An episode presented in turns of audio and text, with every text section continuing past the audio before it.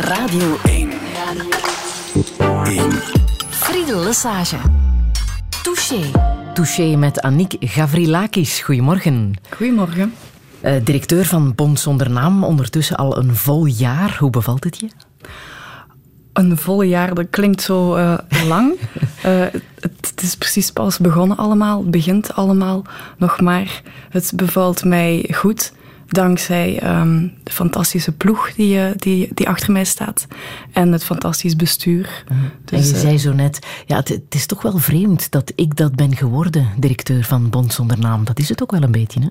Ja, er komen zo in het leven dingen naar u toe en ik sta daar blijkbaar open voor. -huh.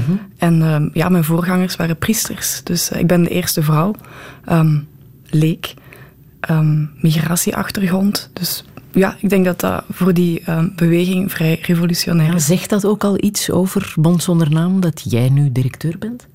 Ik denk dat dat iets over Bond Zonder Naam zegt en bij uitbreiding ook over de samenleving.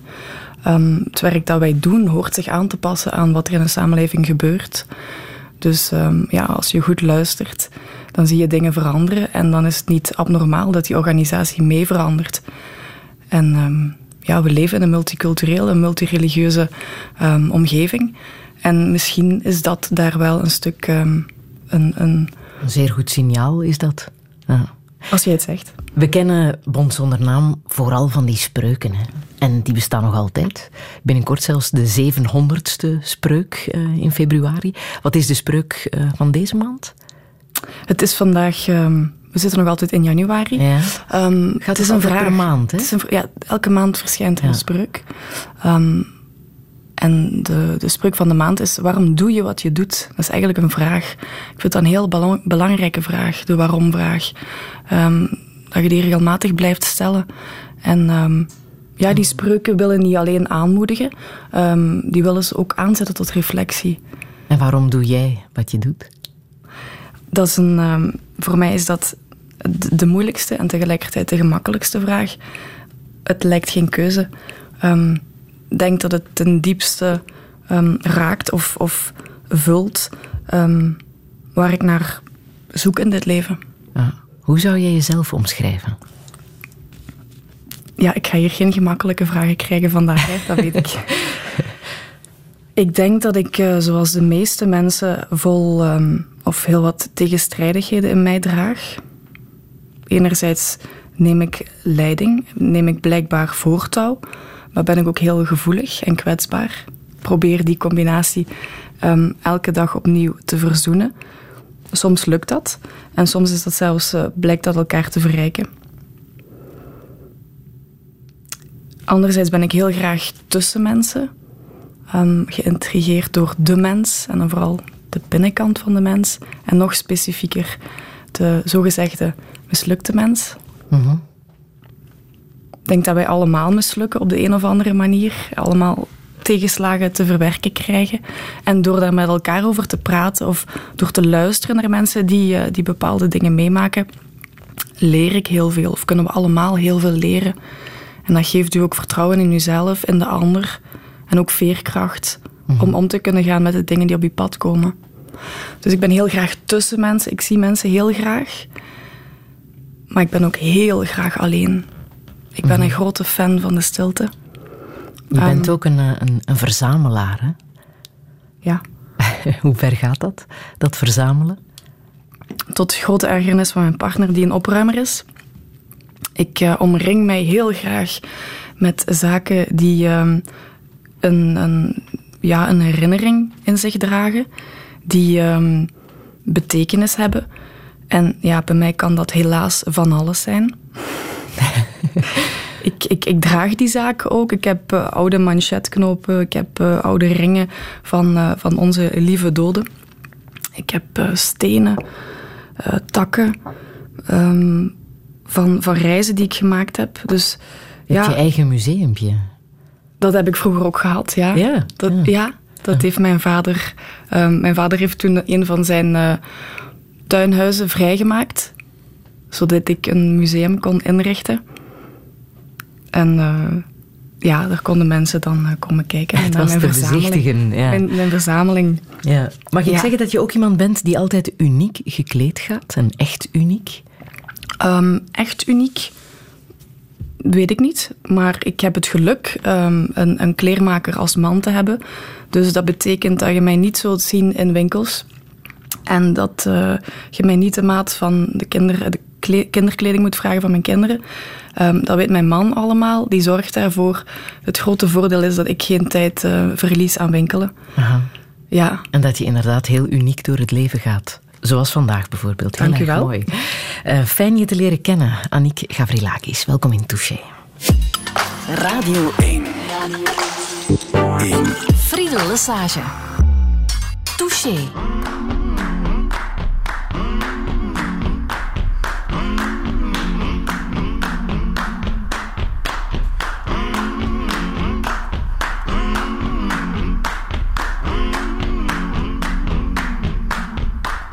I'm gonna need someone to help me. I'm gonna need somebody's hand. I'm gonna need someone to hold me down. I'm gonna need someone to care. I'm gonna rise and shake my body. I'll start pulling out my hair. I'm gonna cover myself with the ashes of you, and nobody's gonna give a damn. Son of a bitch, give me a drink.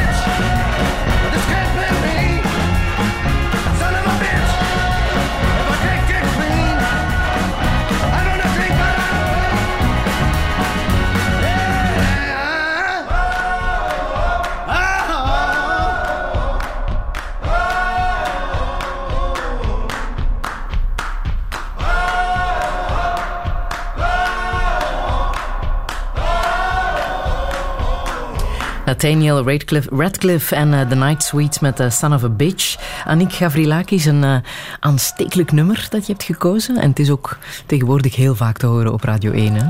Ja. Wat heb je ermee? Um, ik heb eigenlijk iets met, uh, met, met alle soul-gerelateerde muziek. Ja. Het, klinkt, um, het klinkt echt ook soul en van vroeger, maar het is pas uh, uitgegeven. Ik heb het via mijn moeder uh, leren kennen, die heel veel met muziek bezig is. En ja, een beetje rock and roll om de ochtend te starten kan geen kwaad, dacht ik. Ja. Laten we het nog even over Bond zonder naam hebben, hè, waar je nu een jaar lang uh, directeur van bent en hopelijk nog heel lang blijft. Um, jullie zijn een nieuwe campagne gestart, een campagne waar je levenslessen van burgers uh, verzamelt. Waarom is dat zo belangrijk? Ik denk dat er heel wat, um, wat wijsheid te vinden is bij gewone mensen. Ik denk dat je dat niet alleen bij, bij experts, uh, deskundigen, professoren of in bibliotheken vindt. En uh, dat was een beetje de insteek. Vijf jaar geleden hebben we dat ook gedaan. Een, uh, een, een, we noemden dat toen een nationale waardepeiling. Waar we eigenlijk aan Vlaanderen vragen van waar, wat vind je belangrijk voor jezelf en voor de samenleving. En daar is toen massaal op gereageerd.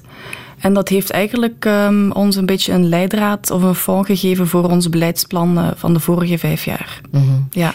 Dus wij baseren ons heel graag op wat er in een samenleving leeft. En eigenlijk wilden we dat met deze campagne opnieuw doen. En dan vooral polsen naar wat heeft het leven u um, tot hiertoe gegeven? Wat is het belangrijkste inzicht dat je hebt opgedaan? En wat heb je daarvoor moeten meemaken? Heel concreet, een anekdote. Op jullie website staan een paar van die levenslessen. Ik wil er eentje laten horen en die is van uh, Kenneth. Als die komt.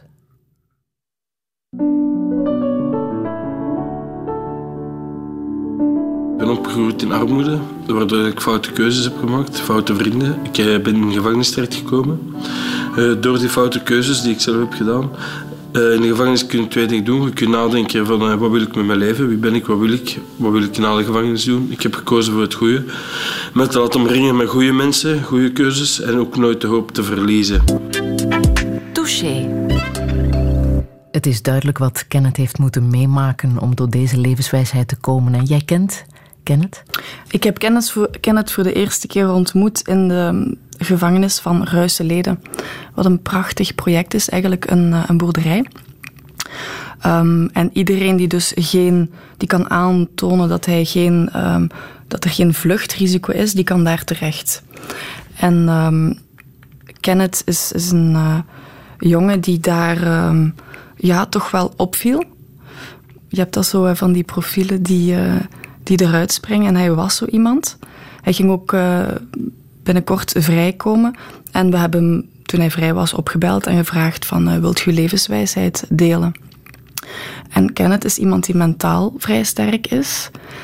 En uh, dat is helaas niet het geval voor, um, voor alle mensen die in de gevangenis zitten. En um, als je zelf mentaal niet sterk bent, um, ja, twijfel ik er heel erg aan of je als een betere versie van jezelf uit de gevangenis komt. Dus die begeleiding die daar op dit moment veel te weinig is, die is echt wel heel erg nodig mm -hmm. in het belang van de veiligheid van een samenleving. Dat is ook een van de dingen waar Bond zonder naam zich mee bezighoudt. Hè? Met het praten met dat soort medemensen. Mensen die niet alle kansen hebben gekregen of ja, in een situatie zijn terechtgekomen die niemand wil. Ja, de, de filosofie die daarachter zit is een beetje... Um, ja, laten we praten met in plaats van over. Mm -hmm. Er bestaan heel veel clichés, vooroordelen, um, kort door de bocht redeneringen over mensen die niet 100% zoals wij zijn. Mm -hmm. En er is ook heel veel angst. Ja. En soms in de eenvoudige ontmoeting of het eenvoudige gesprek kunt je elkaar echt um, voorbij die angst ja, zien als mensen. Ja. En de levenswijsheid van Kenneth, omring je met goede mensen. Ja, het zou perfect een spreuk voor Bond zonder naam kunnen zijn. Hè? Ja, ik denk dat een vangnet... Er zijn drie dingen heel belangrijk om niet te hervallen na vrijlating. Dat zijn de drie W's. Woonst, werk en wijf. Um, woonst is evident. Er zijn weinig uh, mensen die willen verhuren aan iemand met een uh, detentieverleden. Werk. Er zijn weinig werkgevers die... Um, ja, die voorbij dat label um, kansen willen geven op de arbeidsmarkt. En wijf staat eigenlijk voor uw sociaal vangnet. In welke mate is u, zijn uw vrienden en uw familie nog bereid om u terug, um, ja, terug te nemen? Mm -hmm. Ik zei het in het begin al, jullie zijn aan de 700ste spreuk toe. Wie bedenkt die? Al die spreuken? Niemand bedenkt die. Um, die hoor je op straat, op café, in gesprekken met mensen hoor je inzichten of, of interessante ehm, gedachten. En die kneed je dan een beetje tot een typische bond zonder naamspreuk. Ja, en er zijn ook uh, brainstorm sessies hè, om, om spreuken te verzamelen. Binnenkort. Ja, sessies die jullie organiseren. Ja, ik, ik vind het idee wel leuk dat eigenlijk iedereen kan participeren aan, aan ons werk en dus ook aan uh, het, het schrijven van de spreuken. En naar aanleiding van die 700ste spreuk uh, doen we twee spreuken brainstorm sessies. Ja. ja. En de stichter van Bond zonder naam, toch in ons land, ja, die kennen we ook nog allemaal. Hè. Het zal van de week vijf jaar geleden zijn dat hij is gestorven. Phil Bosmans, ik wil hem uh, nog graag even laten horen. In Limburg zegt men om de haverklap, mensleef, menslief, menslief. Dat ding me in mijn hoofd en ik dacht ineens, ik zeg dat is toch formidabel. Dat mensen tegen elkaar zeggen menslief. En ze zijn zich niet bewust wat ze zeggen. Ze weten het niet. Dus we zouden dat eigenlijk op een of andere manier eens moeten kunnen onderlijnen. En onder de brug, een bering aan de autostrade, onder de brug valt me dat in, menslief, ik hou van je. Ik stop en ik schrijf me dat even op. Douché. Menslief, ik hou van je, dat is een van die heel bekende spreuken hè, van Bond zonder naam. En zo is het blijkbaar uh, ontstaan in zijn wagen. Hij heeft het uh, zelf opgeschreven. Ja, was ik 90 geworden, dacht ik. Hè? Ja. Phil Bosmans. Is, is nu vijf jaar, vijf jaar overleden. Hè? Volgende week dinsdag exact vijf jaar. Ja. Heb je hem ooit gekend? We hebben niet samen in die organisatie gezeten, want mensen denken dat um, Phil tot zijn dood echt in de organisatie zat, maar is eigenlijk in 95 al um, um, uit die organisatie gegaan. En ik ben er in 2004 binnengekomen. Dus we hebben nooit samen in die hmm. beweging gezeten. We hebben elkaar wel ontmoet. En um, ja, ik ben van Bree afkomstig, hij van Meeuwig-Ruitrode. Dat zijn toevallig gemeentes die, die um, buren zijn.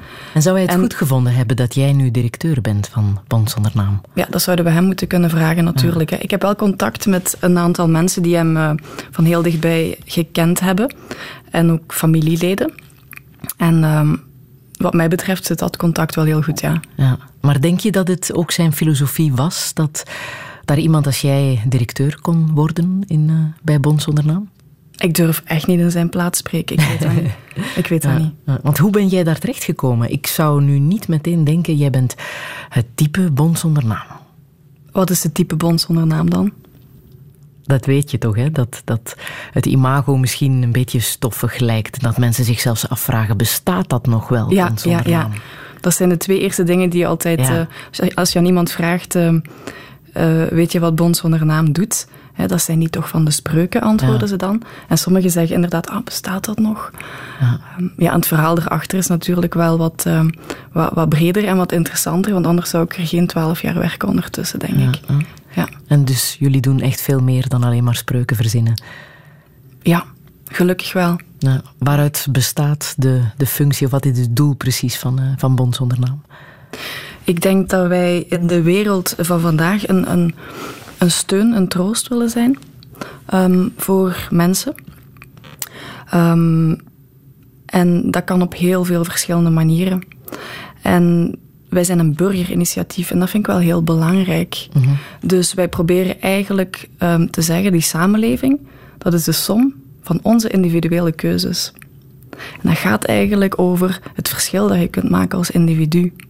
En soms denk ik van, wij zijn precies banger geworden van wat wij wel kunnen, dan van wat we niet kunnen. En dan vraag ik me af, is er zo'n soort um, tegenovergestelde van faalangst? Zo bang voor ons eigen potentieel. Mm -hmm. En um, ja, ik geloof in mensen en hun mogelijkheden. En elke dag in de job die wij doen, zien wij elke dag mensen in zeer extreme levenssituaties op straat, um, op de vlucht, in de gevangenis, in eenzaamheid en armoede, die opstaan uit hun leed. En eigenlijk nemen die ons allerlaatste excuus af om niet te geloven in wat wij kunnen, mm. in ons eigen potentieel, als individu en als samenleving. Dus um, ja, ik denk dat dat is, een stuk is wat wij doen. Mm. Mensen daarin sterken. En hoe van, ben jij bij Bond zonder naam terechtgekomen? Ik was na mijn rechtenstudie en mijn uh, studie cultuurmanagement wel op zoek naar een plek waar ik mijn uh, sociale bewogenheid kwijt kon. En daar was de vacature van vrijwilligerscoach bij een organisatie die ik niet kende. Ik had geen idee. Ik had um, niet die connotatie die heel veel mensen hebben. Mhm. Dus van het stoffige, het wollige, het softe. Um, ik kende Bons zonder naam niet. Bij ons thuis hingen de spreuken niet. Uh, mijn vader is een, uh, een, met zijn vader naar België gekomen vanuit Griekenland. En misschien heeft het daar wat mee te maken, ik weet dat niet. Dat we niet het stereotype Vlaamse gezin waren. Want die spreuken behoren echt tot het, tot het Vlaams cultureel erfgoed. Ik ging heel onbevooroordeeld naar die organisatie toe. En in die um, sollicitatiegesprekken voelde ik van... Um, dat is interessant. Mhm. Dat intrigeert mij. Dat gaat over um, ja, de samenleving. Dat gaat over de binnenkant van de mens. Dat gaat over engagement.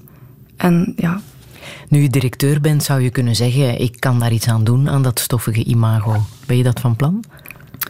Ik geloof heel erg dat een imago zichzelf bijstuurt als je met de juiste dingen bezig bent.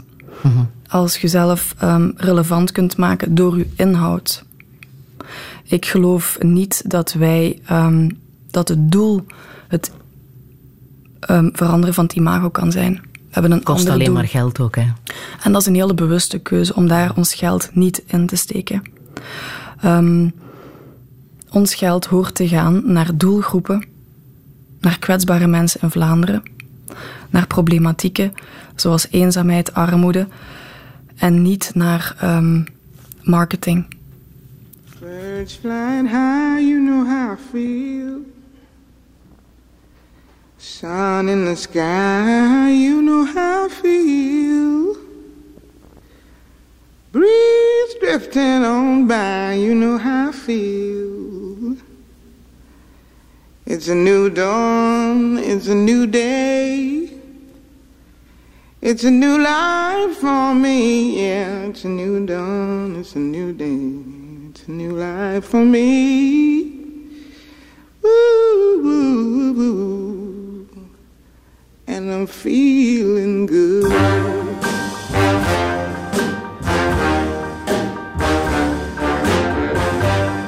Fish in the sea, you know how I feel. River running free,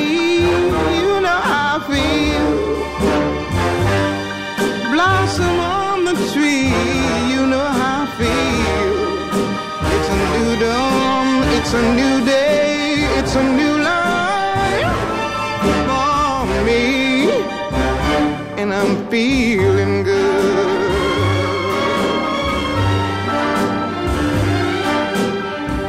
Dragonfly out in the sun, you know what I mean, don't you know? Butterflies all having fun, you know what I mean. Sleep in peace when day is done, that's what I mean. And this old world is a new world and a bold world for me.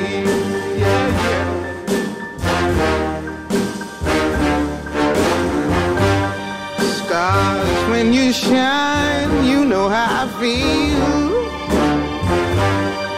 Scent of the pine,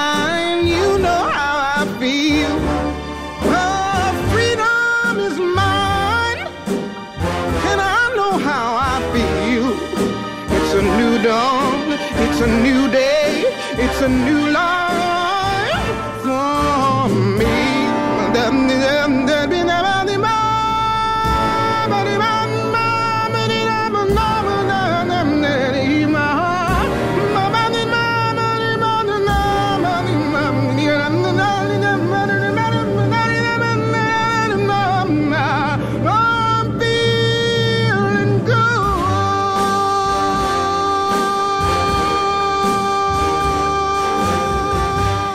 luistert helemaal anders als je ook de documentaire over Nina Simone hebt gezien. Uh, What Happened Miss Simone, hier met Feeling Good.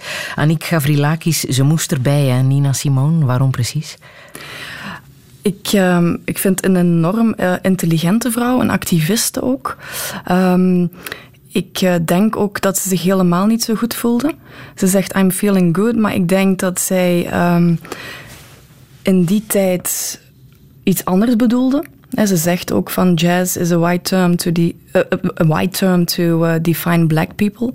Dus die, uh, ja, die hele beweging rond hoe kijken, hoe kijken blanke mensen naar zwarte mensen, dat zit allemaal in dat liedje. En die dubbelzinnigheid, die tegenstrijdigheid, daar hou ik heel erg van. -hmm. Ja, het is ook weer een, uh, het is ook weer een, een, een soulnummer of, of soul gerelateerd. Ben jij opgevoed met muziek? Ja, ik heb in mijn, uh, in mijn opvoeding heb ik twee twee dingen heel erg gehoord. En dat is soul en dat is uh, opera. Mijn uh, moeder, ik zei het al, is heel, uh, heel veel met muziek bezig. Mm -hmm.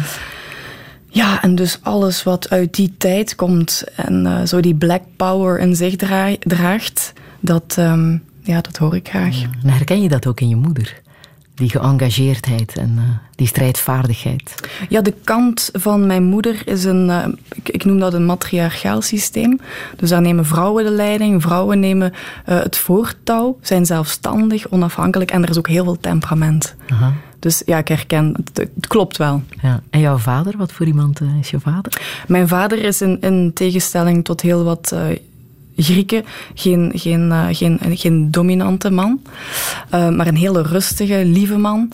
Um, uit het noorden van Griekenland, wat een zeer eenvoudige streek is, waar mensen leven van landbouw. En um, ja, die, die eenvoud, dat typeert hem wel, ja. ja. Hij is op zijn zeven naar hier gekomen, hè? Ja, in het ja. eerste studiejaar. Ja, mijn, mijn twee grootvaders eigenlijk hebben allebei in de, mijn, in de mijnen in Limburg gewerkt. En um, ja, mijn vader is uh, de enige van de vier broers die uh, in Griekenland geboren is. Ja. En wat weet je over zijn roots, het noorden van Griekenland? Wat voor streek is dat? Zoals ik zei, een heel eenvoudige streek. Mm -hmm. uh, vrij dor, puur, ruw. Eigenlijk Toscane, heuvelachtig, maar dan veel ruwer. Ah. ik zie nu zonnebloemen, zonnebloemvelden en ik zie ooievaars. Um, en... Um, ja, ik ben in 2013 ben ik daar geweest met mijn vader en mijn grootmoeder. Om uh, naar de bakermat van de familie te gaan. Het dorp, dat mm -hmm. bestaat uit 400 inwoners. Heel klein. Op een uur van Alexandropolis. En dat heeft mij wel heel veel plezier gedaan om die roots echt te zien en te ervaren. Ja, ja. Waarom had je daar nood aan om dat te zien? Er was een kans. Ah. Er was een kans. Mijn oma zei van, ik ga voor de laatste keer. En dan dacht ik, ik moet meegaan om um, haar daar te zien. En het huis waar zij geboren is, uh, de school waar papa um, naar school geweest is. En ik heb ook een vriendin meegenomen die, uh, die cameravrouw is. En die heeft eigenlijk voor de familie daar um, een, een, document van gemaakt. Ja. Um, wanneer komt het Griekse temperament in jou naar boven? Voel je op een of andere manier dat er Grieks bloed door je aderen stroomt? Nee, voor mij is dat heel, dat is heel normaal. Hè? Dat is. Uh, ja, ik, ik, Nee, ik vind dat. Dat is, dat is altijd een rare vraag, want ik voel dat niet. Dat is gewoon. Aha. gewoon. Um, maar het is wel zo'n zoektocht, die Griekse identiteit. Wat is dat juist? Wat is dat? Ja. Ja. En, ben je daaruit wat dat is? Nee, ik denk dat onze generatie, dus ik ben 36, dat er heel wat um, jongere mensen, ook met andere roots, um, ja, daar toch, een stuk, daar toch een stuk naar zoeken en dat proberen in te vullen in, in, in volledige openheid met wat er in de wereld gebeurt. Dus Vroeger werd er een pakketje afgeleverd van kijk, dit is moslim zijn of dit is Grieks zijn. Hè, daar hoort taal bij, de cultuur bij, de dans, um, dat soort dingen. Um, en dat was ook heel erg op de eigen gemeenschap gericht. Mm -hmm. Maar onze generatie staat wel heel erg open voor wat er in de wereld gebeurt. En um, ja, wordt, dan wordt dat toch veel meer een mix. Meer een, een, dat, dat, daar stromen andere dingen door. Mm -hmm. Heb je daarmee geworsteld nee, toen, je, nee, dat, nee. toen je jong was? Uh, nee, absoluut niet. Wist je wat je wou toen je een meisje van 18 was? Wat ik wou? Um, ik weet niet hoeveel mensen op een achttiende weten wat ze willen of wie ze zijn. Mm -hmm. En heb je daar de tijd kunnen voor nemen om dat te onderzoeken? Ik um, denk dat ik nu, 18 jaar later, veel bewuster ben van wie ik ben en wat ik wil. Ja. Ik vind dat daar in het onderwijs wel weinig tijd aan wordt besteed. Aan de moeilijkste vraag in het leven: wie ben ik? Wat wil ik? Um, hoe kan ik betekenis geven aan mijn leven? Um, in, in de onderwijstijd die ik, die ik heb gehad in het middelbaar, werd daar eigenlijk heel weinig tijd aan besteed. Dus dat kwam later dan, ja. Mm -hmm.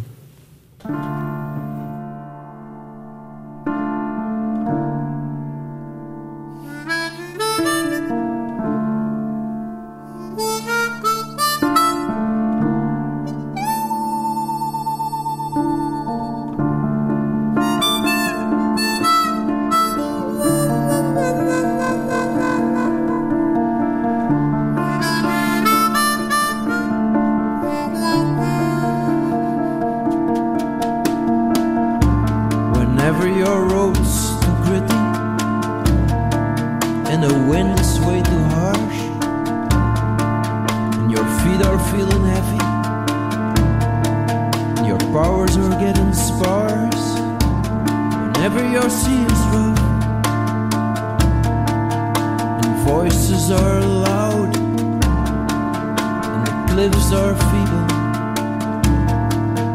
with way too dark clouds. Remember, it takes a while. Remember, it takes a while to form the number.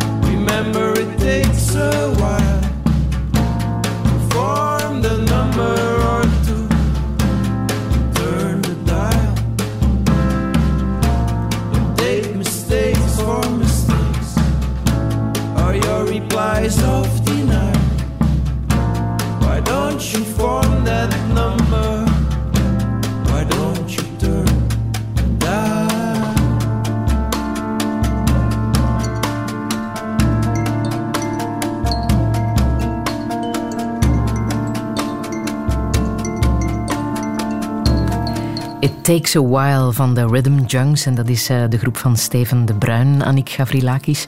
Steven de Bruin heb je zelf mogen leren kennen, hè? Dat was een, een van de cadeaus van 2016. Ja? Ja, ik heb Steven uh, mogen leren kennen als een geniaal uh, mondharmonica-speler. Maar vooral ook als een heel sociaal bewogen en schoon mens. En... Ja, ondertussen zijn we een paar keer samen de trein opgesprongen om uh, muziek te maken voor uh, mensen. Uh, omdat muziek verbindt. En we hebben gratis wagonconcerten gegeven. En dat is wel magisch wat er, dan, wat er dan gebeurt. Ja, wat voor reacties krijg je daarop? Mensen die, ehm, ja, die, die, die, die meezingen. Ehm, mensen die beginnen te filmen. Um, typisch voor vandaag mensen die uh, zeggen van komen jullie morgen terug. ja. En ook mensen die, een aantal mensen die heel stoïcijns naar hun uh, iPhone blijven kijken. Ja.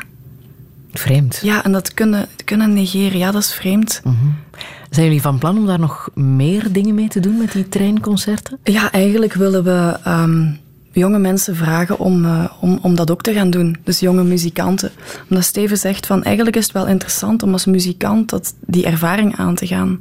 Er is geen goede belichting, er is geen versterking. Je staat helemaal in uw pure, zo zegt hij dat. En dat leert u wel heel veel. En je hebt um, altijd publiek. En je hebt je altijd publiek, ja. In de spitsuren op de trein ja, springt. Ja, ja, ja. Mm. Um, ontmoetingen, dat is iets wat jou bezighoudt. Hè? Niet alleen uh, voor Bond zonder naam, maar ik denk ook in jouw persoonlijk leven. Mm. En misschien uh, was dit wel de meest bijzondere ontmoeting die je ooit hebt gehad. Uh, de ontmoeting met Paula Marx. Ze is 91 ondertussen en bekend van het arrest Marx. er is ook een podcast over gemaakt in Iemand. Ik wil even een fragment van haar laten horen. Weet je wat ik spaat heb in mijn leven? Dat ik me nooit niet bewust geweest wat ik mij mocht. Ik besefte dat niet. Dat was een gewoon leven voor me. Ik denk dat het eigenlijk meer een soort leven is dat je met hem. De mensen in mijn uh, in het algemeen te veel schrikvreed te, te doen. Of zeggen, oh, dat gaat toch niet. Dat geloof ik niet. Ik geloof niet dat iets niet gaat dat het niet gemakkelijk is, dat iets anders natuurlijk. Hè. Maar ik denk eigenlijk, als je iets echtig wilt, gelijk dat Walt Disney eigen zei, if you can dream it, you can do it. Touché.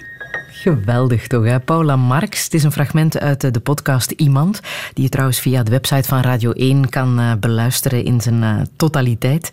Maar wat een vrouw, hè? En ik kan geloven dat je geraakt was door, door haar. Ja, Paula was ook echt een van de, van de cadeaus van 2016. Dus echt zo de bomma die, je, die iedereen wil. Mm -hmm. um, en, uh, en wat een leven ook, hè? Ja, wat een leven. Wat een leven. En een van de sterkste dingen is inderdaad dat arrest Marx, waar zij dus de Belgische staat aanklaagt en zij wint dat proces. Omdat ze een alleenstaande moeder... Ja, dus zij was eigenlijk een van de eerste, ja, een eerste bom in, in, in België. Bewust uh, ongehuwde moeder.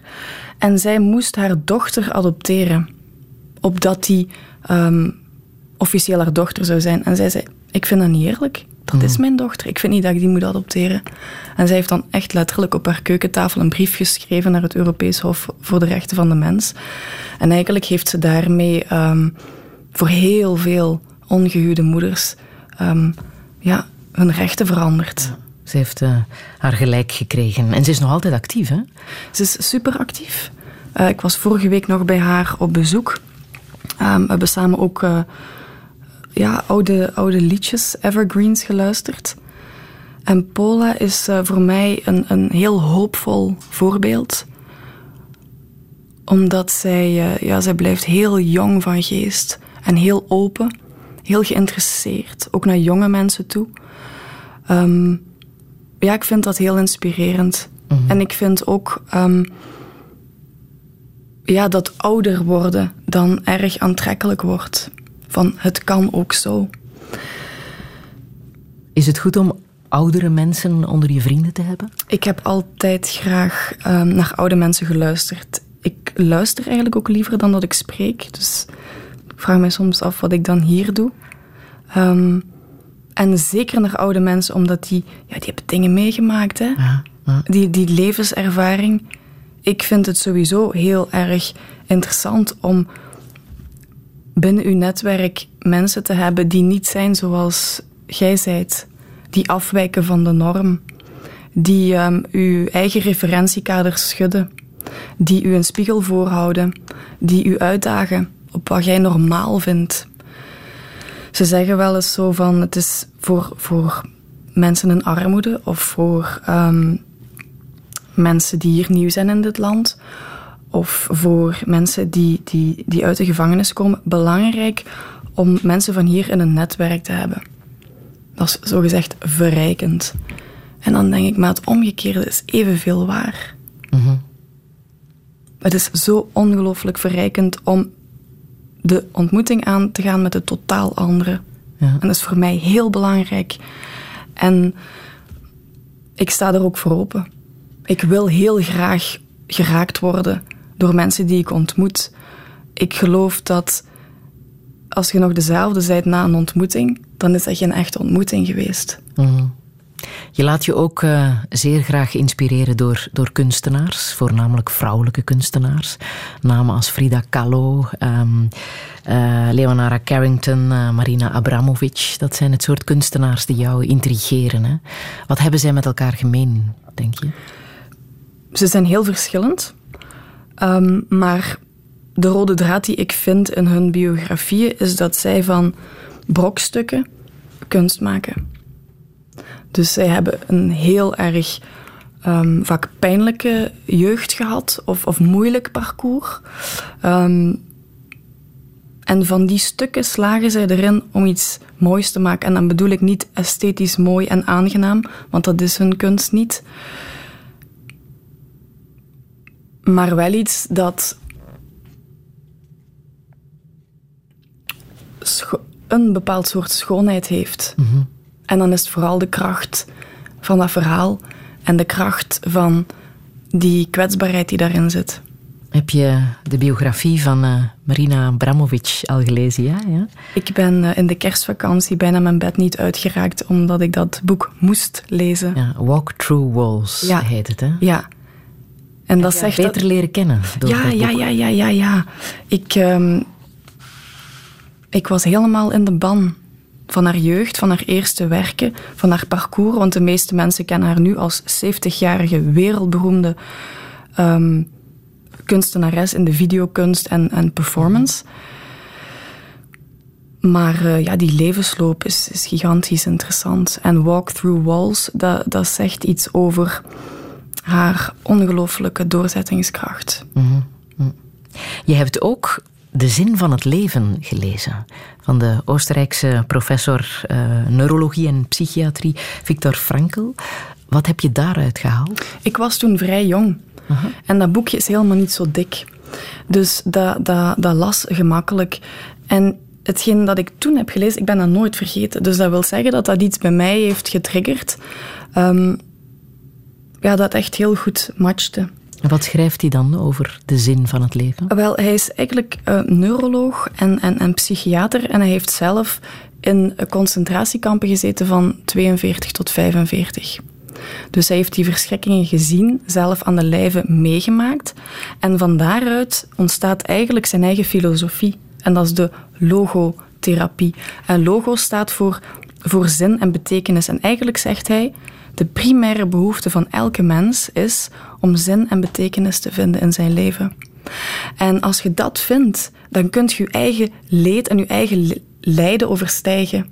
En hij kon dat daar ook ehm, heel concreet stofferen. De mensen die blijkbaar een hoger doel vonden of nog hadden thuis, iemand waar ze graag terug naartoe wilden, of een boek dat ze nog wilden schrijven, of een werk dat nog afgemaakt moest, die, ja, die eh, konden die ontberingen beter doorstaan en die leefden ook langer.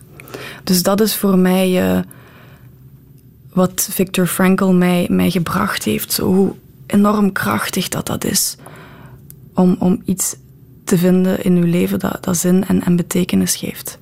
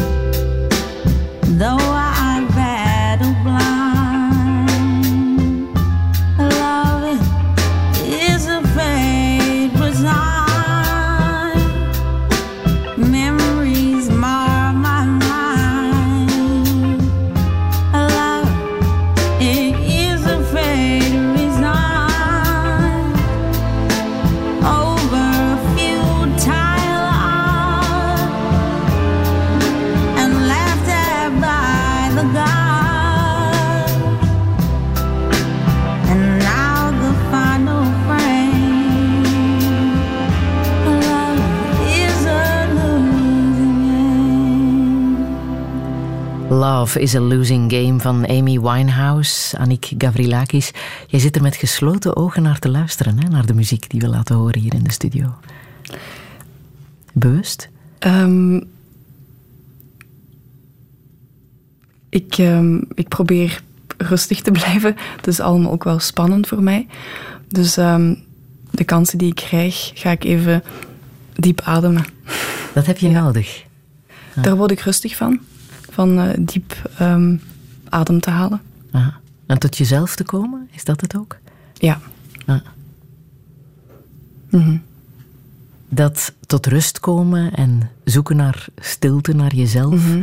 is ook iets waar Bond zonder naam heel erg mee begaan is. Hè? Mhm. Er is nu ook de Stilte Hoeve in Moerkerkendamme, eh, Ja.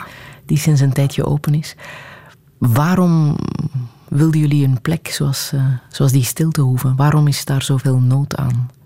Het, het bestaansrecht of het de bestaansplicht van die plek is mij duidelijk geworden in de brieven die ik heb gekregen naar aanleiding van eh, een stilteactie die wij gedaan hebben. We hebben eigenlijk aan onze lokale vrijwilligers, we hebben er duizend in Vlaanderen, hebben we gevraagd van kijk eens in uw omgeving of er mensen zijn die nood hebben aan stilte ehm, en die daar financieel de mogelijkheden niet voor hebben.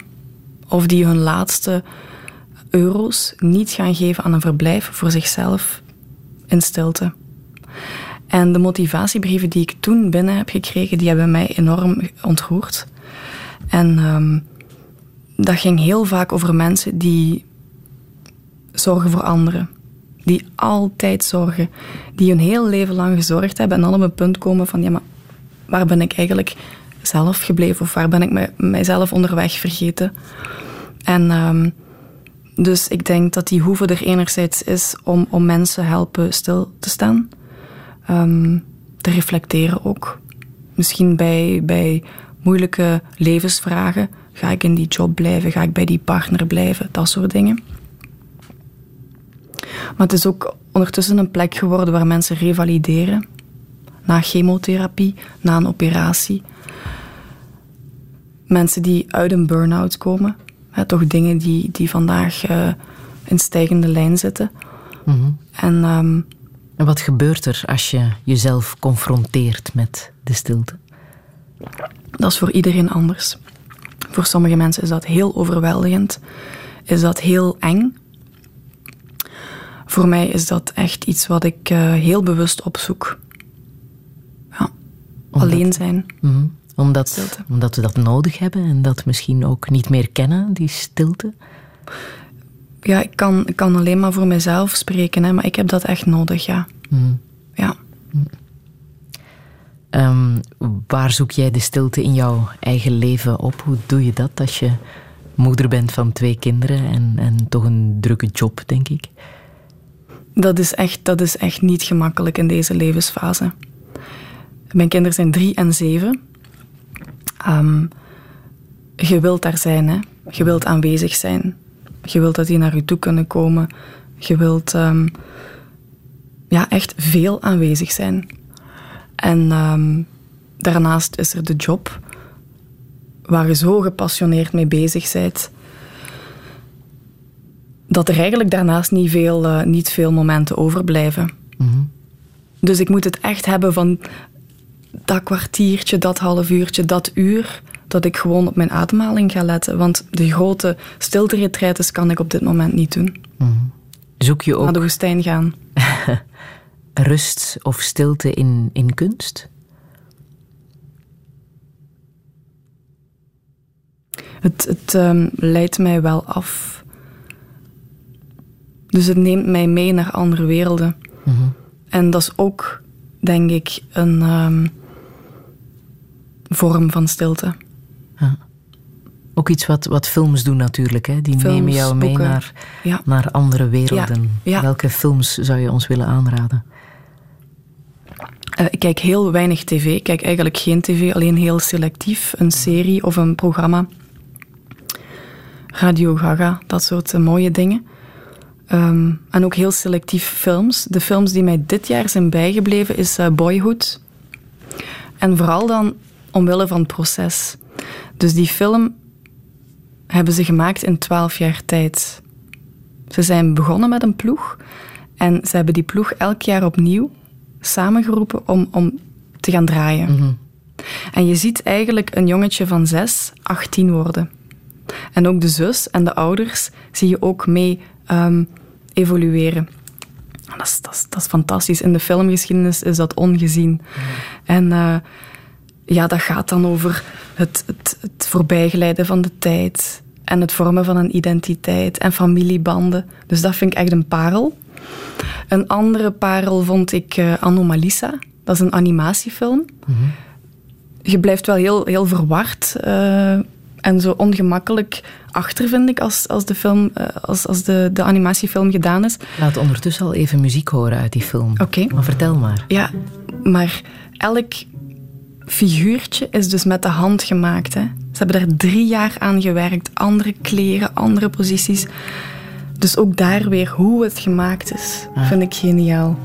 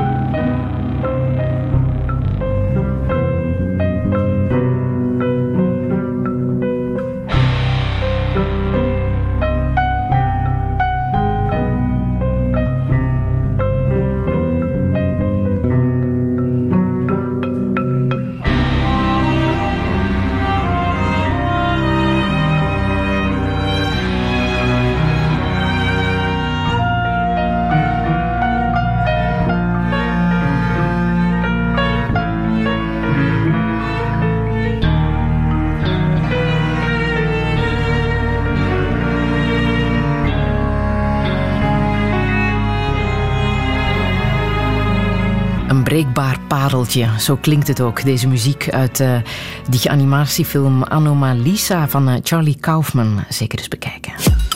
Radio 1. Friedel Lesage. Touché. Touché met Annick Gavrilakis. Sinds een jaar nu is ze directeur van de Bond Zonder Naam. Een organisatie die eind jaren 50 werd gesticht door Phil Bosmans. Hij vond dat er meer engagement mocht zijn voor de vergeten medemens. En dat vindt Annick ook. Zij wil de Bond Zonder Naam nieuw leven inblazen, maar niet met dure mediacampagnes of blinkende slogans, maar met de inspiratie van de mensen zelf. Waarom doe je wat je doet, is de nieuwste spreuk waar de Bond Zonder Naam zo bekend voor is. Het is ook de uitgelezen spreuk om stil te staan bij alles waar we voor staan in dit nieuwe jaar. Ze haalt kracht uit inspiratie, kracht en inspiratie liever uit de stilte, uit sterke vrouwen, maar haar Griekse identiteit blijft een zoektocht. Wat kunnen we doen tegen de verharding in deze maatschappij? En waarom is eenzaamheid zo'n groot taboe? Dit is Touché met Annick Gavrilakis. Goedemiddag. Er wordt frequenter gefeest dan dat er wordt gerookt.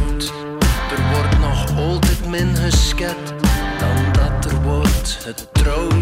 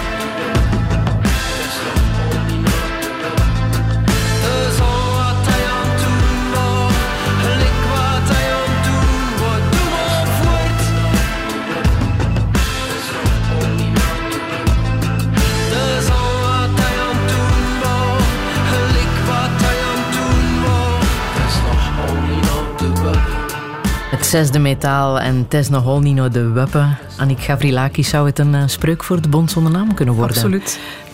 Niet naar de weppen. En het is ook zo, hè. Niet naar de weppen. Ja, het is een kwestie van aandacht. Hè. Waar geef je aandacht aan? In media wordt er heel veel aandacht gegeven aan wat er allemaal verkeerd gaat eh, in de wereld. En dat moet ook benoemd worden. Dat is heel belangrijk dat, dat we dat zien. Ehm, maar soms is het wel een beetje uit balans, vind ik. En zou er best wel ook eh, wat meer aandacht mogen gaan naar de hoopvolle verhalen. Naar ehm, de dingen of, de mensen waar samenleven wel werkt. Ehm, ja, en dan is het nog allemaal inderdaad niet naar de Weppen. nu, eh, afgelopen kerstvakantie ging het wel even de verkeerde kant uit. Hè, met die massale haatreacties eh, bij het overlijden van de Turkse jongen uit uh, Houthalen. Die omkwam bij de terreuraanslag in Istanbul. Toen leek het wel even eh, niet goed te gaan met de mens en hoe we over dat soort dingen denken. Ja, ik, ik zelf, ik blijf bijna bewust weg van, eh, van die, eh, die fora op social media. Omdat die reacties, ja, dat, ik krijg dat heel moeilijk verteerd. Ik ehm, vind dat ook heel erg gemakkelijk om in twee zinnen ehm, haatpraat te verkondigen. Volledig anoniem. Dus ehm, ja, dat is iets waar ik ehm, het vrij moeilijk mee heb. Ik vind sociale media prachtig. We gebruiken dat ook als organisatie om dat evenwicht te herstellen tussen wat krijgt er aandacht in de, in de klassieke media en wat niet. Dus dat geeft u heel veel mogelijkheden om zelf als burger en als ehm, beweging nieuwsberichten de wereld in te sturen. Het bestaat, dus we gebruiken het ten goede. Maar de, de schaduwzijde is toch wel ehm, ja, die, die haatpraat, hè, die, die totaal ongepast, wansmakelijk, boertig. Die hardheid, die. ehm, maar ik wil mij daar ook niet achter verschuilen. Sociale media, dat zijn wij. Dat zijn wij. Dat zijn wij allemaal. Begrijp je dan ook dat Roularta bijvoorbeeld voor alle tijdschriften de fora heeft eh, gesloten? Daar Ja, wordt ik, ik- gezegd, ik, ja, vind het, ik vind dat een hele wijze keuze. Maar ik begrijp dat dus andere eh, kranten dat al gedaan hadden voor Roularta. Zij hebben er nu ehm, een bericht van gemaakt. Ik vind dat eh, heel wijs en ook de redenering die er voor hen achter zit van wij waren meer bezig met het modereren en het deleten van, van haatpraat dan dat wij bezig waren met waar wij eigenlijk, wat onze core business is, onderzoeksjournalistiek en, en redactioneel werk. En ik merk dat ook op onze eigen eh, social media kanalen. Hè. Moderatie is zo belangrijk. Iemand die kijkt, leest, eh, reageert. En bij ons, wij zullen pas in laatste instantie deleten. Ehm, ja, racistische opmerkingen die wij echt niet kunnen. Wij zullen altijd eerst proberen om te begrijpen en in dialoog te gaan, maar ook heel consequent ons standpunt ehm, te herhalen. Wat je bijvoorbeeld wel eens tegenkomt, een eh, mooi voorbeeld over een, een, een bakker uit Bilze die een vluchteling eh, via de VDAB een, een ervaringsgerichte opleiding geeft, die opleidt tot patissier. Dan krijg je wel eens de reacties van ja, maar wij, mijn zoon wil ook een job. De werkloosheidscijfers zijn ook voor, voor eh, mensen van hier hoog. En ja, dat klinkt zo'n beetje als ehm, ja, eigen, eigen mensen eerst. Hè. En dat is, dat is heel begrijpelijk. En dat is ook een stem. En dat is ook een gevoel dat er leeft bij die mensen. En is ook belangrijk dat we, dat, dat we ook daar vinger aan de pols houden. Maar dat betekent niet dat wij ons standpunt over ehm, inburgering of mee- meehelpen aan het inburgeren van vluchtelingen gaan veranderen. Maar hoe komt het, denk je, dat zoveel mensen blijkbaar nood hebben om hun haat te spuien via sociale media? Ja, daar moet, hoe komt het dat Trump verkozen is? Er is een voedingsbodem voor. Hè? En is het dan een goeie- goed idee om die mond dood te maken? Om niet meer te horen wat die mensen echt willen Nee, ik zeggen? vind dat niet. Ik vind dat niet. Maar je moet keuzes maken. Hè. Iedereen heeft een bepaalde rol te spelen. Iedereen heeft ehm, eh, beperkingen aan wat je zou kunnen doen, wat je zou willen doen. Maar ik denk als organisatie dat wij wel daar net iets verder in kunnen gaan. In dialoog, in verbinding, in empathie. Moet daar meer tijd voor gemaakt worden om... Ik denk dat dat te maken heeft met, met tijd, met eh, ehm, vertragen. Ja, absoluut. om te praten Meer met dieptewerk. Ja. Wat je zei in het begin, hè, met al die juist. verschillende doelgroepen. Ja. En dus ook ehm, als het moeilijk wordt. Hè? Want dan gaan die principes vaak sneller overboord. Hè? Op moeilijke momenten. Om dan nog empathie te kunnen tonen, om dan nog te verbinden. Dat is, ehm, ik denk dat dat onze uitdaging is. En daarom, ik vond het ook fijn dat ehm, Merkel verkozen is, of, of het eredoctoraat heeft gekregen van zowel de Universiteit van Gent als Leuven. Want die slogan, Wir schaffen das, mm, voor mij is dat een levenshouding. Mhm. Voor mij is dat, is dat geen, geen slogan. Is dat ook geen, geen hype. Volgens mij is dat wat wij ten diepste horen te doen. Als het moeilijk wordt, menselijk blijven. Er was nog hoopvol nieuws. Hè. Afgelopen week ehm, was er eh, Mohamed El Bashiri, de weduwnaar van eh, het moslimslachtoffer van 22 maart. Die heeft gesproken op eh, TEDx in Hilversum en heeft daar opgeroepen tot een jihad. Een jihad van de liefde. En ik wil dat even laten horen. Oui, j'ai appelé au djihad. Mais attention, pas n'importe quel djihad. Je parle de ce djihad qui ne connaît pas la haine, car la haine est un pesant fardeau qui noircit les cœurs. Je parle du vrai, du plus noble, du plus grand combat des musulmans contre la terreur. Ce djihad qui incite à aller vers les autres, son frère, différent, pour lui sourire, pour le comprendre et lui exprimer de l'empathie.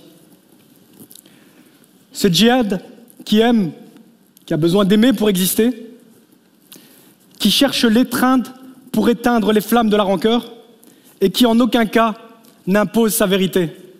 Car comme il est dit dans le Coran, La nulle contrainte en religion. Touché. Krachtiger kan het woord niet zijn. De jihad zonder haat. De echtste, de edelste, de mooiste strijd voor een moslim die zich tegen de terreur verzet. Het is de jihad die mij aanspoort, zo zegt eh, eh, Mohammed El eh, Bashiri. Die mij aanspoort om naar de ander toe te gaan, de broeder die van mij verschilt. Om hem toe te lachen, hem te begrijpen en empathie te tonen. Het is de jihad van de liefde, die de omhelzing zoekt om de vlammen van de wrok te doven en die zijn waarheid niet oplegt, want zoals de Koran zegt, er is geen dwang in het geloof. Wat een woorden, hè? Ja, en, en hoe moedig ook. Je verliest je geliefde in een terroristische aanslag.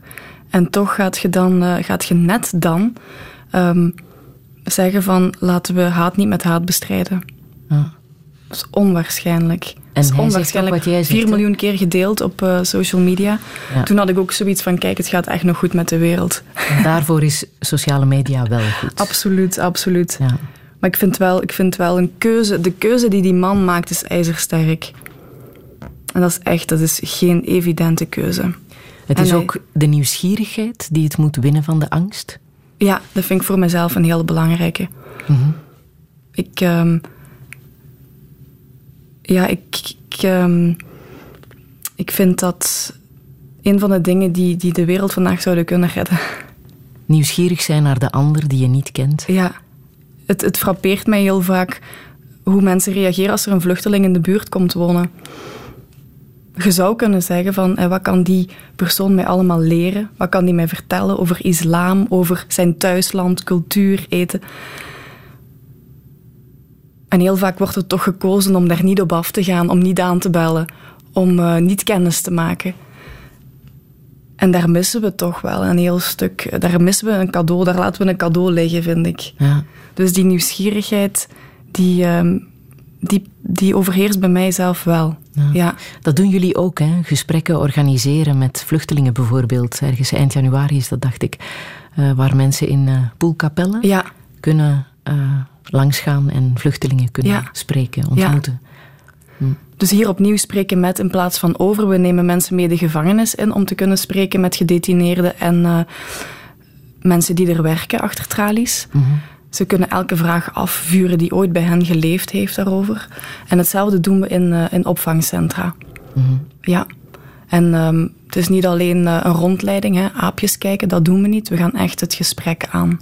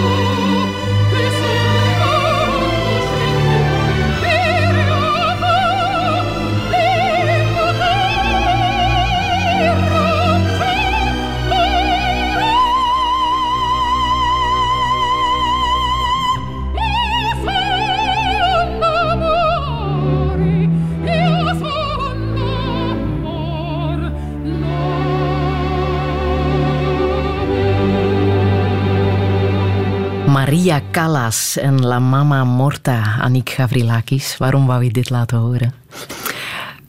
Wel, ik heb eh, een lijst gekregen van mijn moeder met ehm, allemaal liedjes waaruit wij mogen kiezen op haar begrafenis. Ja. En ACDC stond daar ook op, maar dat vond ik niet zo... Dat vond ik minder gepast.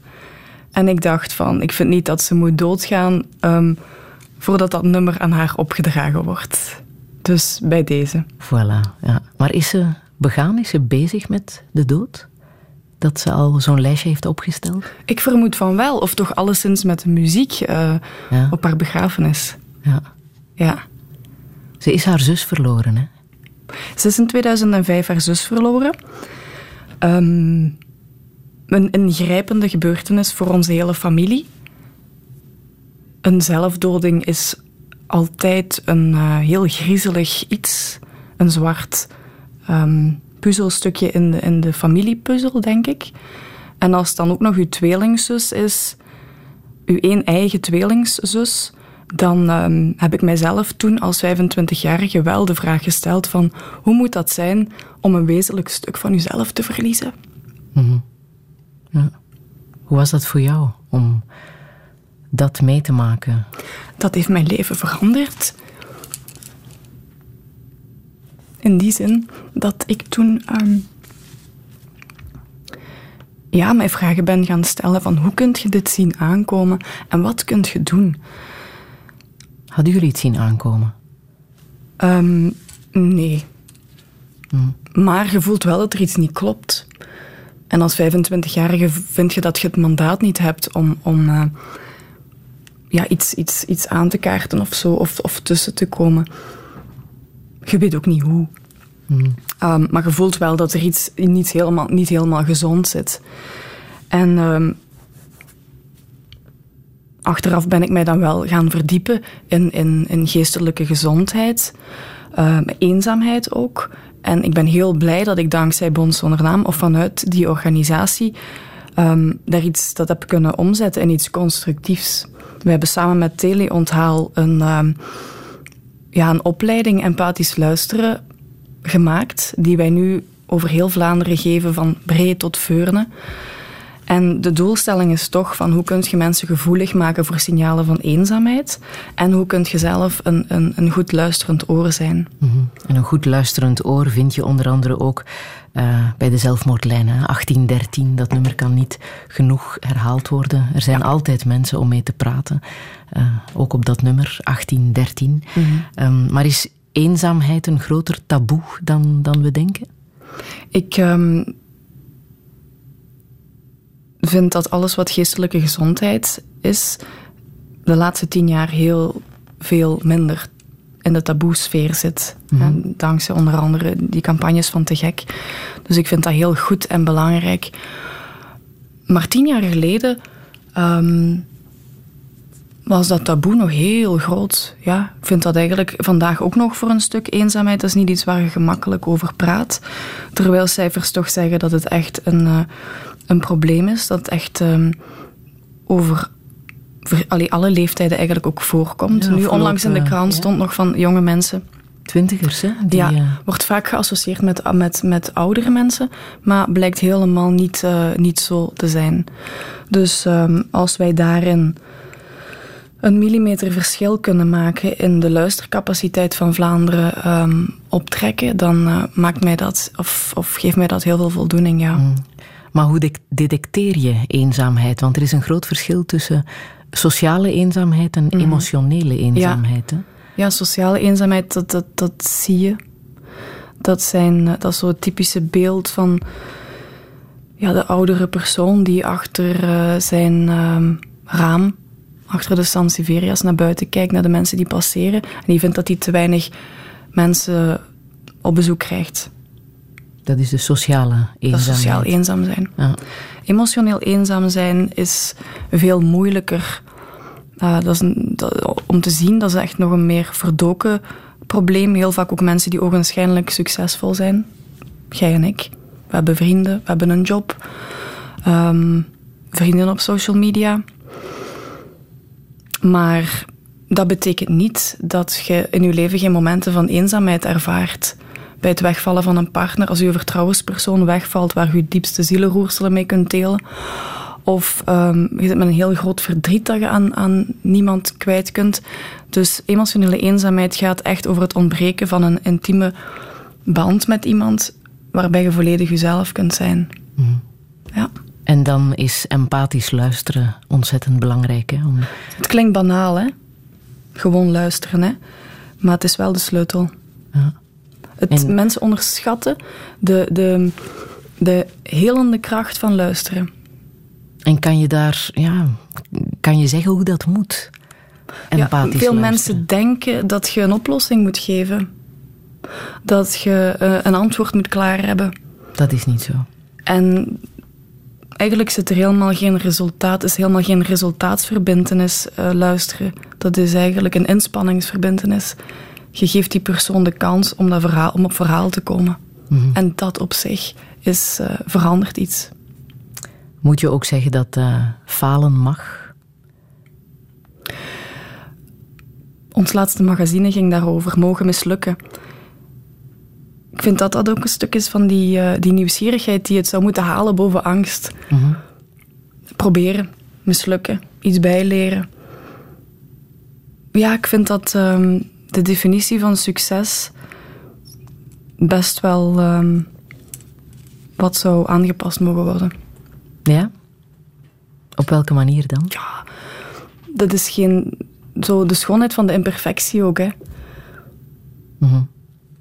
Dat is ook waar Dirk de Wachter het vaak over heeft, hè? de psychiater. Ja, Dirk heeft het ook over onaf durven zijn. Ehm, De verveling. de verveling, moeten. De stilte. Ja, dat soort dingen. Ja, die weinig aandacht krijgen, hè. Dat zijn zo de... Ja, de, bro de broosheid. De broosheid ook van het leven. En dat terug toelaten Ja. in het leven. En mensen vinden dat dan soft. En, en, en ik vind dat eigenlijk heel sterk. Ja.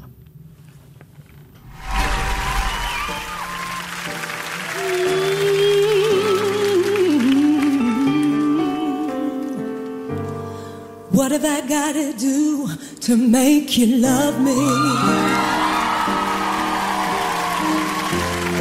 What have I got to do to make you care?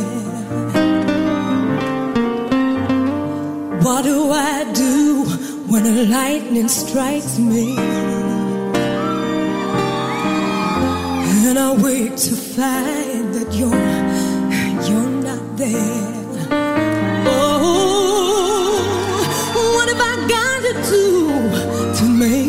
you want me?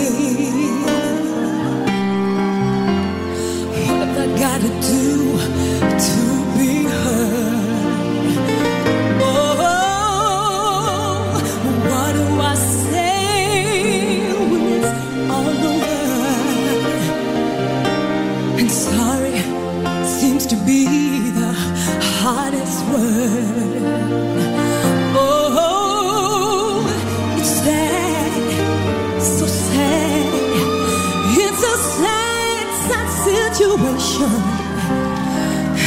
Getting more and more absurd.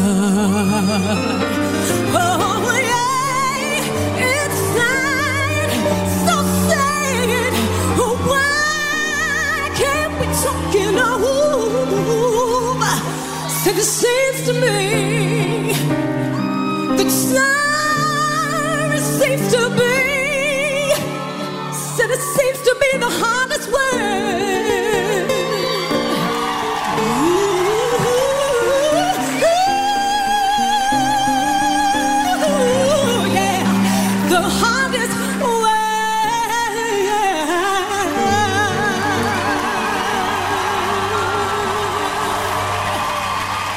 Tony Warren en Sorry Seems to be the Hardest Word.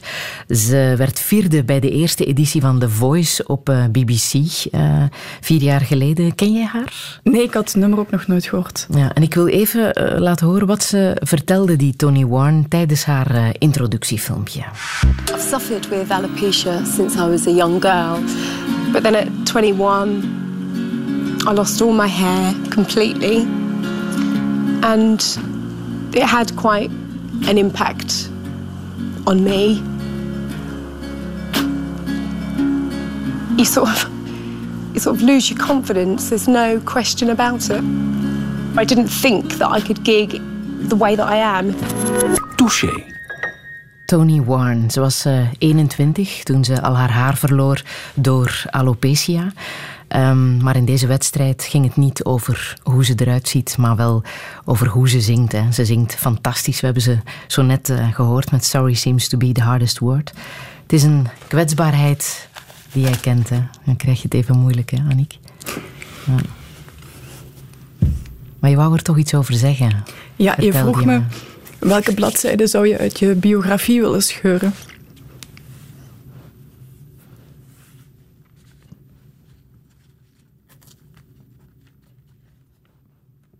En mijn eerste reactie was: er moet geen enkele pagina uit uw biografie, want alles maakt u tot wat je vandaag bent. Maar als je kinderen hebt, is, er toch een klein, is dat toch een kleine uitzondering, vind ik.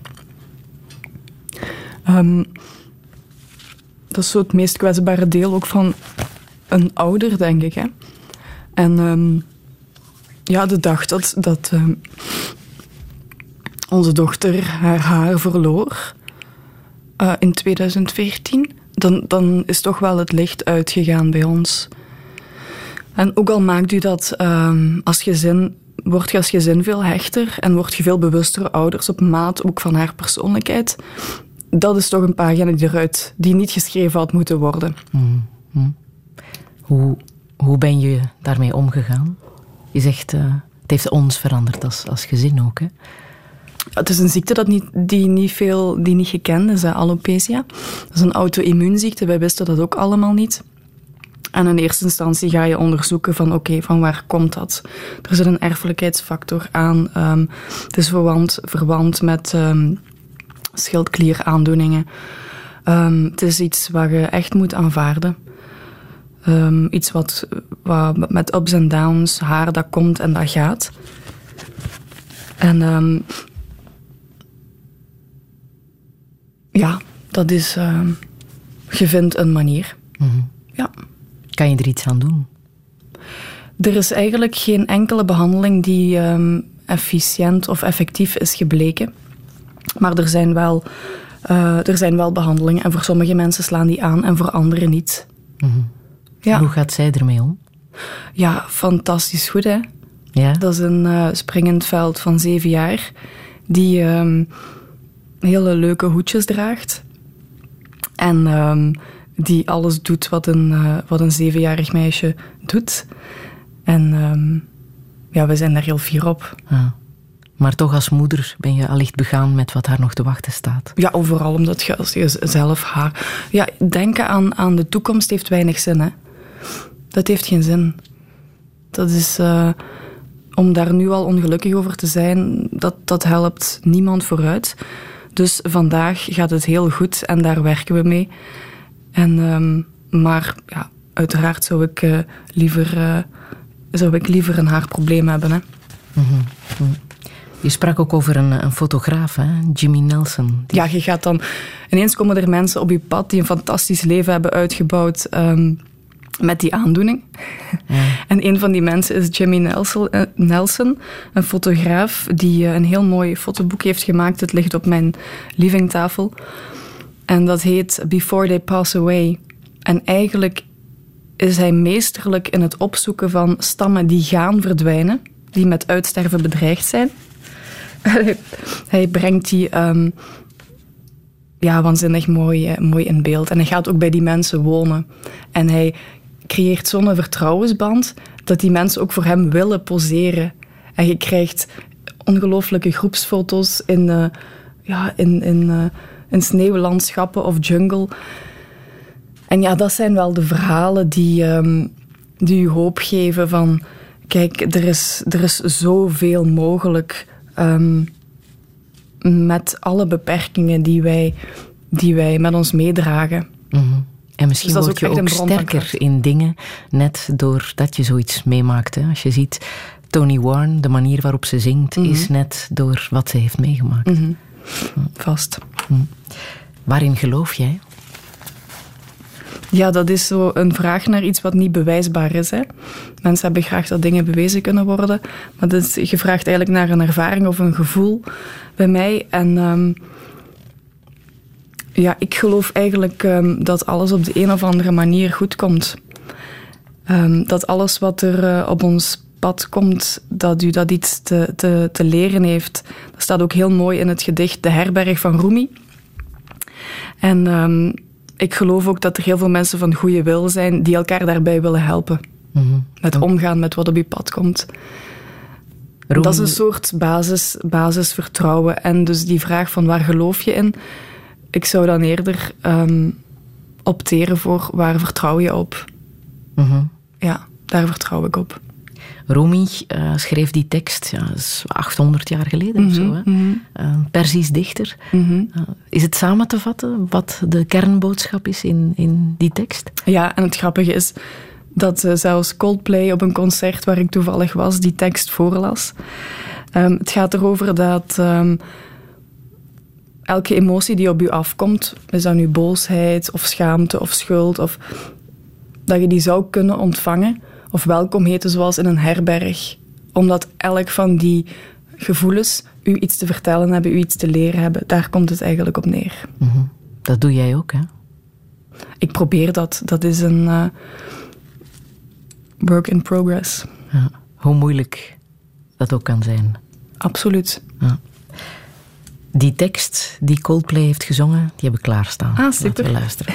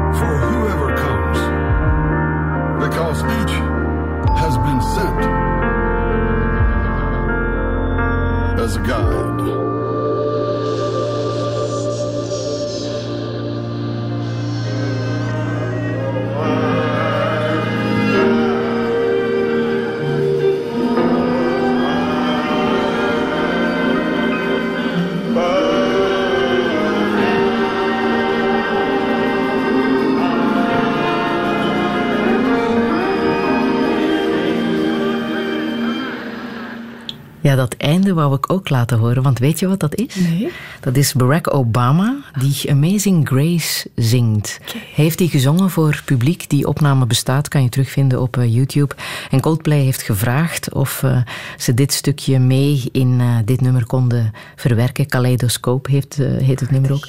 Waar hij dus dat gedicht van Rumi op muziek heeft gezet. Het heeft Chris Martin, de zanger van Coldplay, geholpen bij de verwerking van, eh, van zijn eigen scheidingen. Ik weet niet of je, of je zijn verhaal eh, kent achter de tekst van, eh, van Rumi.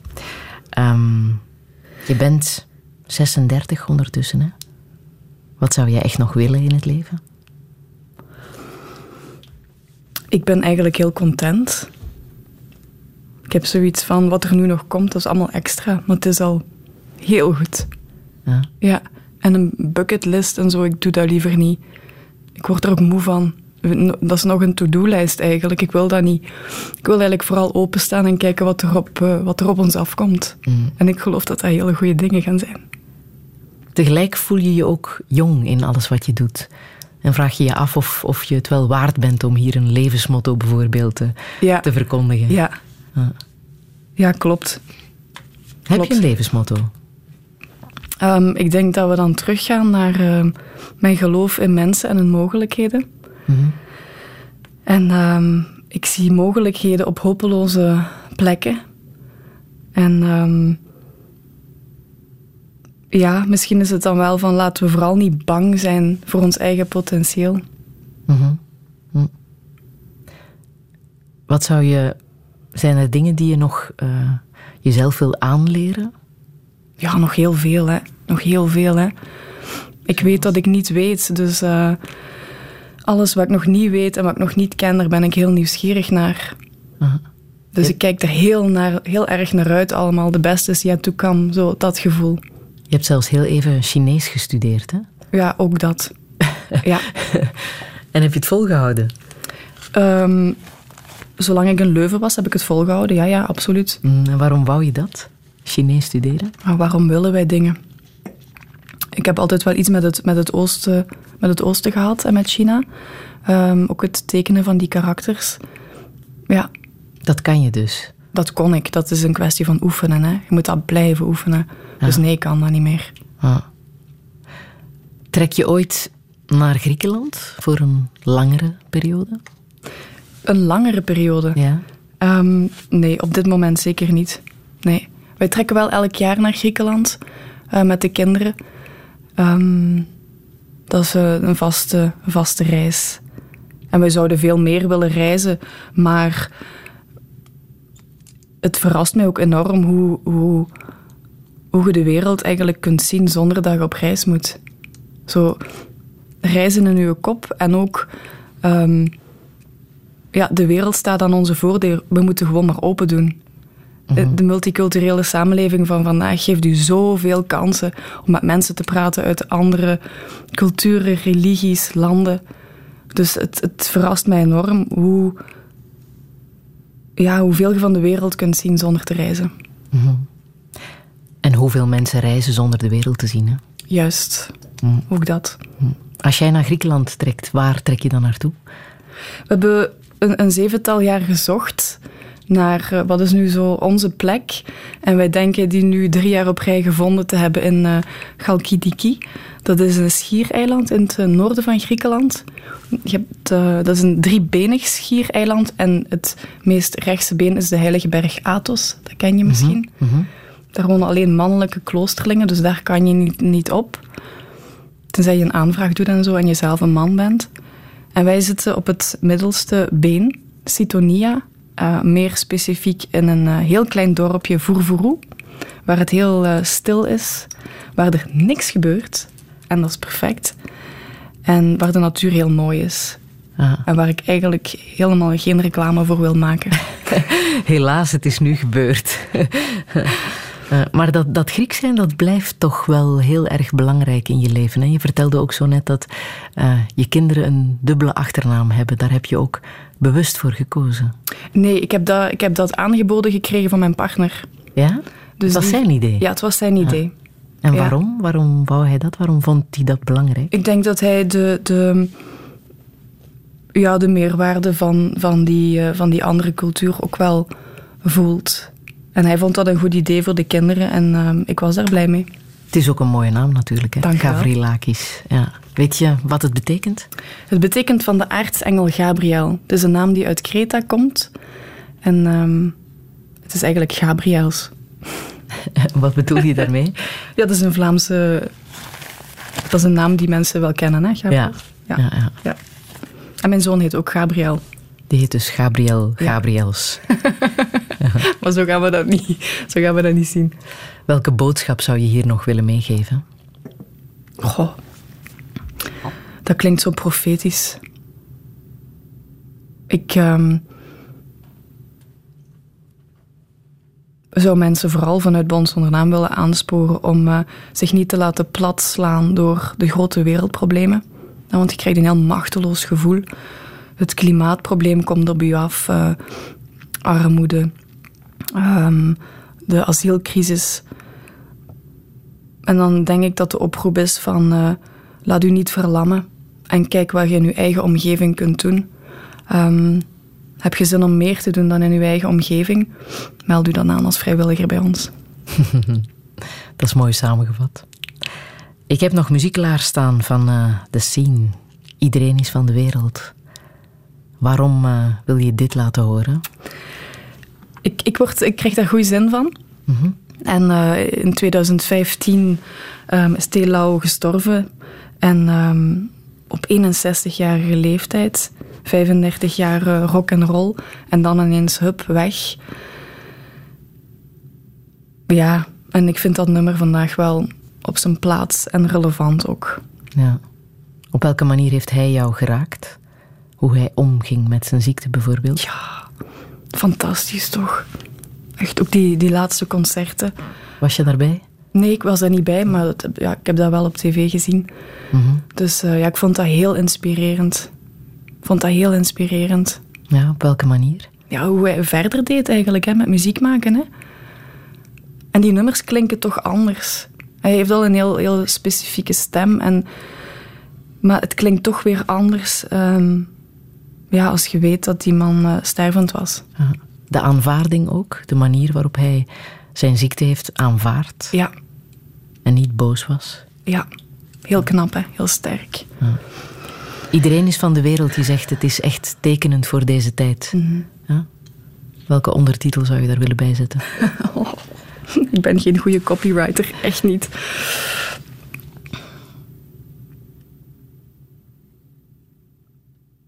Ja, ik geloof niet in, in, uh, in, in, eenvoudige oplossingen. En ik geloof niet in een vluchtelingencrisis oplossen door, door grenzen te sluiten. Dus um, dan geloof ik meer in um, ja, er samen er iets van uh, te maken. Hè. Wir schaffen das. Mm -hmm. Dat. We zullen de gitaar laten snijden. Goed.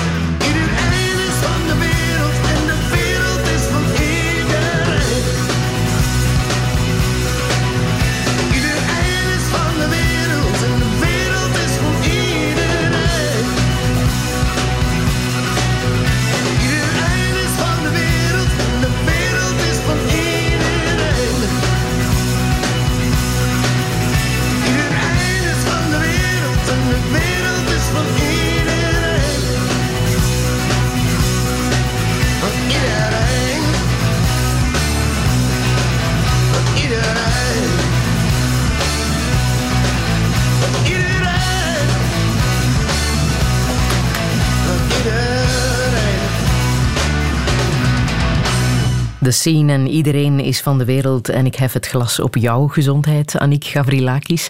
Hartelijk dank voor dit uh, zeer fijne gesprek. Dinsdag um, ja, hebben jullie een, uh, een soort herdenking, hè, denk ik. Uh. Ja, dinsdag heffen wij het glas op Phil Bosmans, -hmm. die dan vijf jaar overleden is. En um, we hebben leuk nieuws te vertellen. Er komt een, een boek geschreven door Rick de Leeuw. En er komt een uh, theatermonoloog, ook geschreven door Rick de Leeuw en gebracht door Jeanne Bervoets. De première is op 13 oktober van dit najaar. Ja. En uh, we gaan nu al minstens 16 uh, voorstellingen mogen doen in de culturele centra in Vlaanderen. En dat wordt een soort biografie van Phil Bosmans? Ja, ja, naar aanleiding van vijf jaar overlijden vonden we het wel mooi om er een Phil Bosmans jaar van te maken. Mm -hmm. En um, ja, Rick en Jen zullen zeker er een eigen interpretatie aan geven, maar het is wel gebaseerd op het leven van Phil, ja. ja omdat dat leven moet verteld worden. Ja, en om te kijken wat de relevantie vandaag is. Mm -hmm. Misschien wel en meer dan we denken. Er. Ja? ja? Waaraan denk jij dan op uh, eerste vlak? Um, ja, verbeter de wereld, begin bij jezelf. Hè. Daar komt het altijd weer op neer. Dat is er eentje. Hè? Dus wat hebben wij hier te doen? Bond zonder naam. Ja. ja. Zometeen zet ik alle informatie van de dingen die hier ter sprake zijn gekomen op onze website radio1.be. En volgende zondag verwacht ik hier Hendrik Dierendonk, die uh, opent uh, deze week een uh, in Hartje Brussel. En daar hangt een hele filosofie aan vast, waar ik volgende zondag over praat. Radio 1